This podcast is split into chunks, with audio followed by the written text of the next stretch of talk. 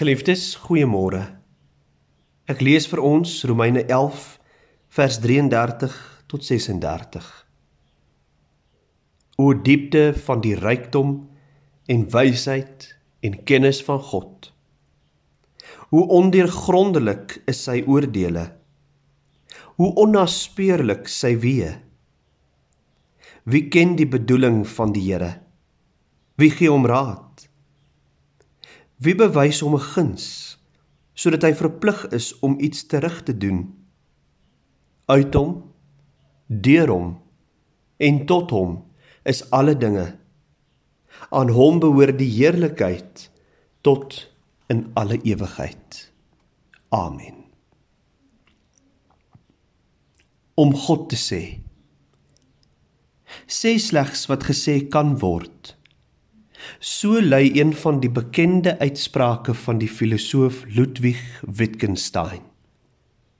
Hy het hom lank besig gehou met die studie van die menslike taal en tot die gevolgtrekking gekom dat 'n mens net duidelik en ondubbelsinnig kan praat as jy eksakte taal gebruik. Oor wat nie so gesê kan word nie, moet jy swyg. 'n Klompie filosowe van sy tyd was besonder verheug oor die uitspraak van die meester. Onder hulle sou tel Sir Alfred Ayer. Want in sy boek Language, Truth and Logic noem hy mense wat hulle ernstig besig hou met beginsels en met die dinge van die onsigbare wêreld misplaaste digters. Onder die verdwaalde digters het hy dus ook mense ingereken wat oor geestelike waardes en veral oor God praat. 'n Groep van Ayers se geesgenote het Wittgenstein eendag genooi om hulle te kom toespreek. Natuurlik in die afwagting dat die meester hulle denkerigting vir hulle sou kom bevestig. Want wie nooi nou 'n spreker om die teendeel te kom sê van wat jy glo? Almal het reg geskuif toe die groot Wittgenstein die vertrek binnekom. Wittgenstein het sy boek oopgemaak en vir hulle 'n paar verse van 'n Indiese digter voorgeles. Hy het sy boek toegemaak en vertrek.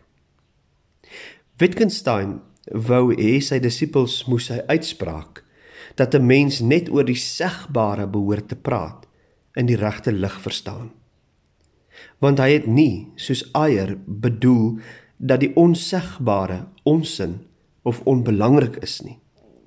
Wat hy wou sê is dat die segbare soos 'n baie klein eiland in 'n onsaglike groot oseaan is. As jy gesê het wat gesê kan word, het jy nog lank nie alles gesê nie. Daar is groot wysheid in die woorde. Mense praat so maklik oor God. Hulle wil God so resloos moontlik uitlê. Besmoontlik kan hulle by Wittgenstein gaan leer om te swyg. Want swye en stilte is 'n voorwaarde vir aanraking met die onsigbare wêreld en daarom ook met God. Dit verbaas daarom nie dat iemand soos Paulus hom na sy bekering 'n tyd lank teruggetrek het in die Arabiese woestyn nie. Ook Elia moes uitvind dat God nie in die storms en geraas te vind is nie, maar in die sagte suising van die aandwind. Selfs Jesus het hom in voorbereiding op sy sending na die stilte van die woestyn begeef. As jy dan op jou raserige eiland oor jou stilte ervaring wil praat, sal die taal van eksaktheid, die taal van die eiland waarop jy is, nie pas nie. Daarom het Paulus beelde gebruik. Byvoorbeeld van nalopers en mense wat manna eet om die onsegbare te probeer sê. En by 'n geleentheid het hy selfs in lofsang uitgebreek. Dit het ons vanoggend saam gelees in Romeine 11 vers 33 tot 36. Daarom het Jesus ook meestal verhale vertel as hy oor God gepraat het. God is soos, het hy gesê. Nee, die mense van die eiland, selfs sy volgelinge, het nie altyd Jesus se verhale verstaan nie. Want om die woorde uit die stilte te verstaan, het jy die regte oor en instelling nodig. Die Bybel sou sê 'n sagte hart. Wie na verhale uit die stilte luister in die verwagting om die taal van formules te hoor, sal teleurgesteld staan. Want God is nie vir inspeksie en analise beskikbaar nie. Daarom kan ons nie in presiese formules oor hom praat nie.